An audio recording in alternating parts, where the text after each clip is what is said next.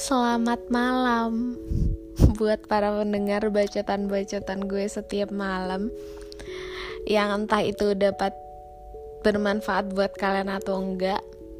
Tapi gue berharap nih, setiap bacotan gue setiap malamnya mampu menemani diri kalian di kala sepi, mampu membuka pola pikir kalian, dan yang paling menjadi utama dari tujuan gue buat bacotan-bacotan ini adalah ya supaya kalian seneng aja, kalian bisa bahagia. Kalian mungkin ketawa dengar suara gue yang rada aneh atau gimana. Walau gue sadar, terkadang banyak orang yang bilang suara gue itu aneh. Tapi menurut gue sih biasa aja. tingkat kepedean gue berasa naik lagi nggak gue bercanda jangan anggap segala hal yang bercanda menjadi serius dan yang serius kalian bercandain. Karena setiap tempat itu setiap keadaan itu punya porsinya masing-masing. Malam ini di tengah malam ini jujur gue udah kayak gimana ya? Gue sempat cerita. Kalau gue udah nggak tahu bikin tema apa lagi karena gue dengan bikin podcast ini dianggap menjadi seseorang dengan tingkat keahlian kegalauan yang cukup tinggi. Tapi jujur gak selamanya gue galau kok. Gak selamanya gue sedih. Gue seneng. Gue juga bahagia. Tapi terkadang cara kesedihan gue itu mampu membawa dampak positif ke lingkungan gue. Dengan kesedihan gue, kalian bisa belajar bagaimana menyikapi sesuatu hal apabila hal tersebut terjadi pada diri kalian. Malam ini nih, banyak banget kendala. Gue pengen ngerekam podcast itu dari jam 11 tadi jam 11 tadi. Ya tadi malam ya nggak sih tadi malam iyalah pokoknya dari jam 11 tapi suaranya terlalu berisik di rumah gue mungkin karena emang lagi rame sih kondisi rumah gue sekarang. Terus gue juga lagi bikin beberapa surat. Bukan surat cinta loh ya jangan salah tanggep. Emang zaman sekarang masih pakai surat cinta. Enggak sih, gue lagi pengen senang aja malam ini. Soalnya katanya gue galau. Oke nih, kita kembali lagi ke tema yang bakalan gue angkat. Kesedihanku tak selamanya dianggap orang lain sebagai kelemahanku. jujur selama gue ngejalanin sebuah pendidikan pendidikan kemarin. Ada itu pokoknya. Bagi yang tahu-tahu aja nih pendidikan seperti apa yang gue jalanin. Ada orang yang merhatiin gue ketika gue nangis. Wajar sih gue nangis. Dia bilang gini dia adalah orang yang punya keberanian tinggi. Dia berani nangis di depan semua orang, di depan orang yang wajib dia hormati, dan dia segani di tempat pendidikannya, dan di tempat yang sesakral itu. Seharusnya gue gak nangis, tapi gue nangis karena itu, pertama kalinya gue nelpon ibu gue setelah tiga bulan gak tahu kabar orang tua gue gimana, gak tahu kabar ibu gue gimana. Gue ngejalanin pendidikan, sumpah, sumpah berat banget karena gue tahu ibu gue waktu itu kondisi fisiknya lagi nggak sedang baik-baiknya. Gue nangis saat itu. Kemudian orang ini bertanya sama gue,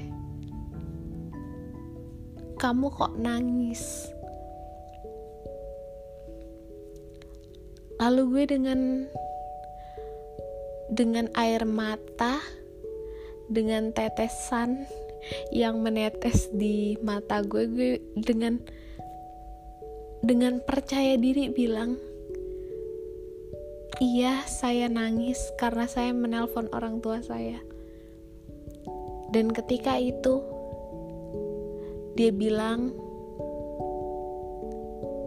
kalau dia punya penilaian tersendiri terhadap saya. Dan sekarang dia berbicara kepada saya bahwa kalau gue itu adalah sosok yang kuat dengan tetesan dan dengan tangisan yang pertama kali dia lihat dan tahu penyebabnya kenapa dia bisa bilang gue adalah sosok yang kuat sosok pemberani. Dari situ gue punya kesan tersendiri terhadap orang ini. Kita tahu kan gue sering bilang kalau kita jangan melihat sesuatu dari satu sudut pandang saja. Lihat dari banyak sudut pandang. Dan saat itu gue berpikir ketika orang ini jujur sama gue gue berpikir bahwa orang ini adalah orang yang memiliki sudut pandang yang berbeda dari orang-orang biasanya. Orang-orang biasanya bilang kalau lihat seseorang yang lagi nangis, cemen banget sih, lemah. Cuma karena tiga bulan gak ketemu orang tua, terus nelpon dan langsung nangis. Lemah banget, gak punya mental atau apalah itu. Tapi jujur, gue gak bisa nahan perasaan gue saat itu. Seperti yang gue pernah bilang di podcast gue sebelumnya. Kalau gue ketika gue nangis itu gue gak bisa ngentiin air mata gue. Karena hati sama otak gue itu bakalan berbeda. Hati gue bakalan lebih menang dibandingkan otak gue ketika gue lagi sedih ketika otak gue nyuruh gue nih untuk berhenti untuk menangis gue gak akan bisa berhenti menangis walaupun gue pengen berhenti. Karena air mata gue tetap nyucur. Kayak gitu. Gak tahu sih apakah orang lain merasakan hal yang sama sama gue ketika sedih itu ya air mata itu bakalan ngalir dengan sendirinya walaupun lo gak minta. Kalau gue tipe orang yang kayak gitu semoga sih kalian bisa menyinkronkan antara hati dan pikiran. Kalau gue susah. Kemudian orang ini banyak ngasih pembelajaran terhadap gue. Orang ini banyak yang bilang banyak yang menghina dia banyak yang ngejudge dia. Tapi hal yang menjadi poin besar yang gue bisa teladani dari orang ini adalah dia nggak pernah malu tuh yang namanya minta maaf. Entah itu memang dia yang salah atau tidak tapi dia tipe orang yang tidak malu buat minta maaf. Hebat gak sih menurut kalian? Kalau menurut gue nih orang ini hebat banget. Gak semua orang mampu tuh minta maaf. Sebagian orang menganggap nih kalau minta maaf itu adalah kayak menampilkan kalau dia itu sekarang sedang lemah sehingga dia perlu minta maaf. Kenapa dia perlu minta maaf? Karena dia butuh bantuan orang tersebut.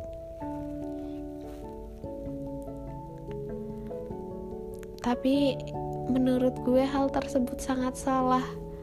Gue sependapat nih sama orang tersebut. Karena dia berani minta maaf. Bukan karena dia takut, bukan karena dia sedang lemah, tapi karena dia memang ingin memperbaiki diri.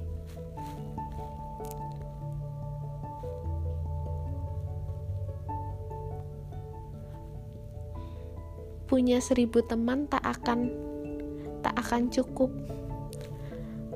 tapi punya satu musuh sangat lebih dari cukup. Bahkan sampai saking lebihnya nih, musuh tersebut kalau bisa udahlah dihilangin aja karena segala sesuatu yang berlebihan itu tidak baik.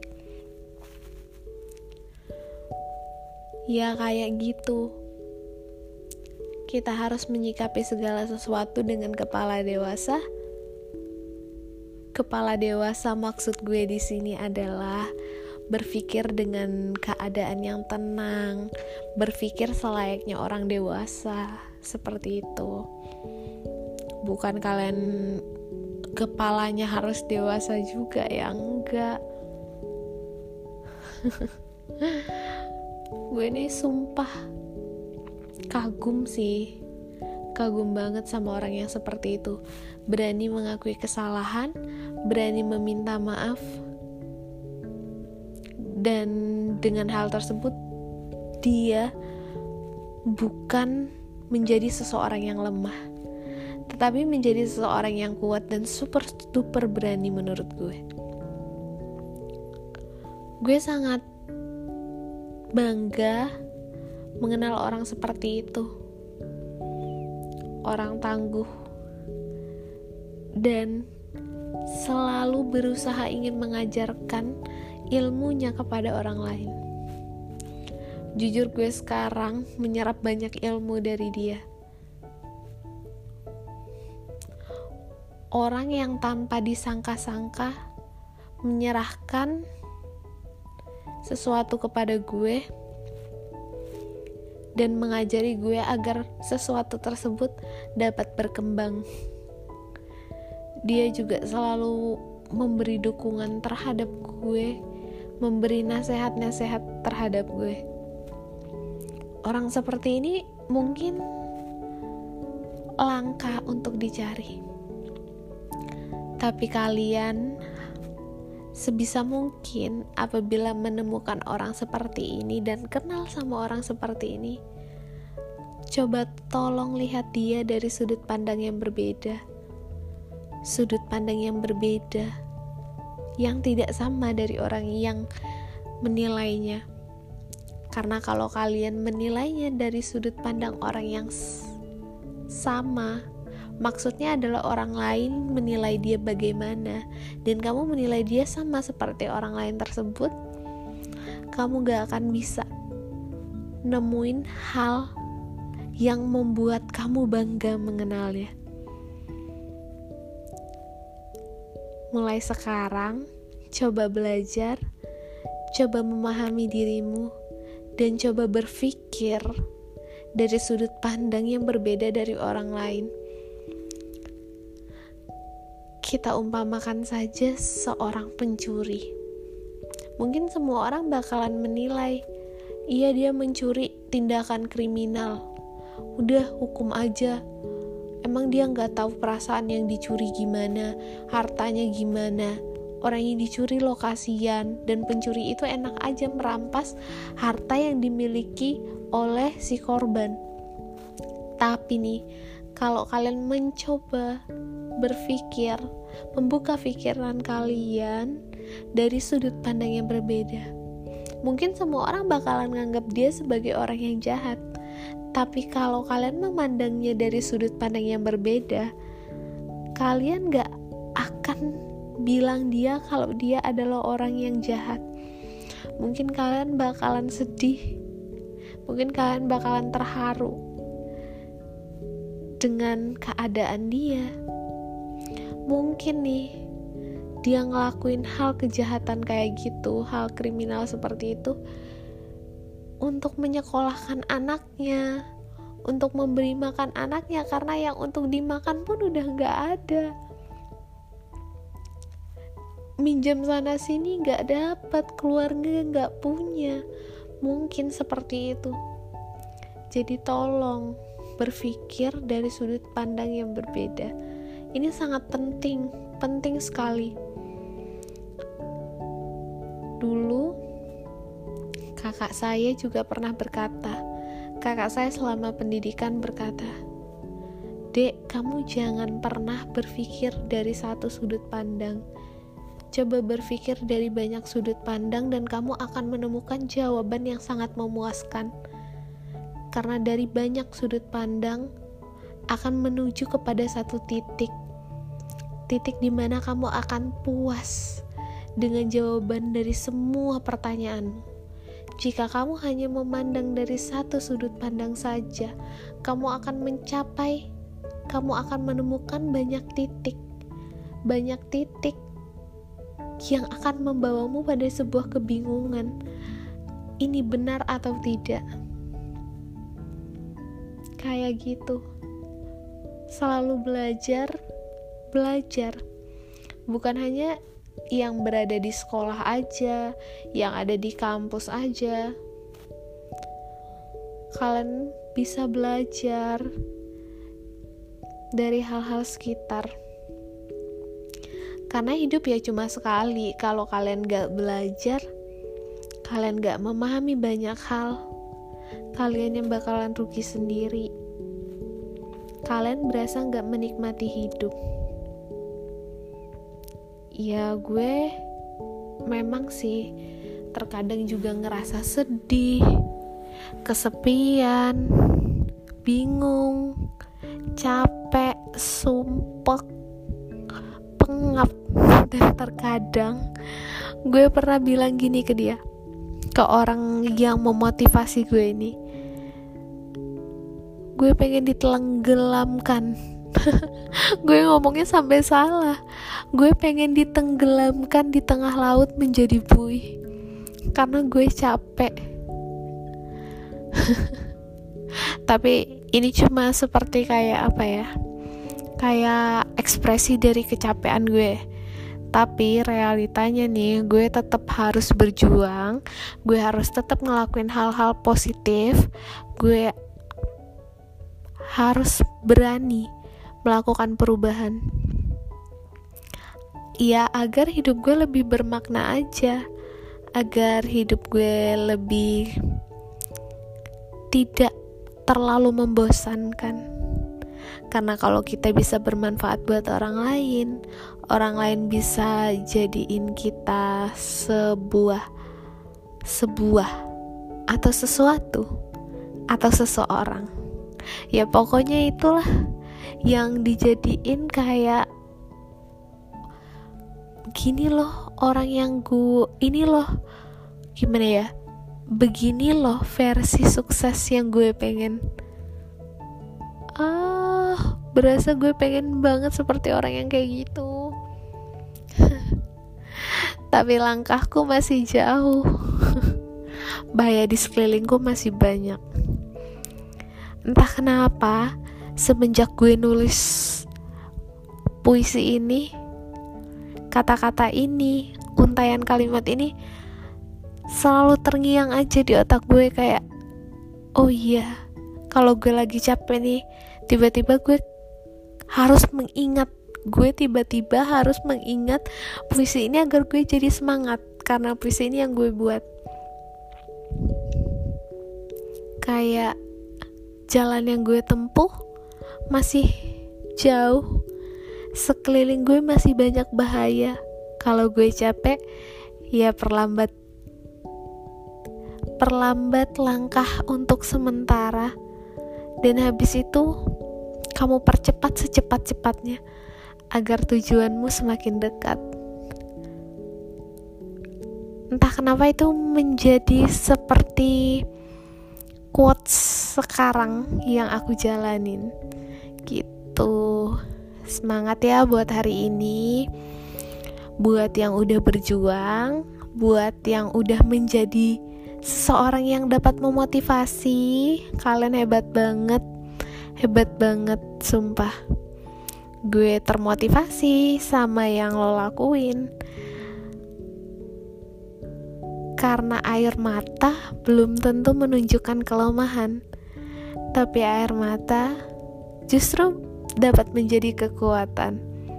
Luar biasa. Gue bangga banget bisa mengenal orang ini. Orang yang luar biasa dan semoga nih kalian bisa mengenal orang-orang yang jauh lebih luar biasa lagi yang mampu memberi pelajaran lagi semangat buat malam ini dunia bersamamu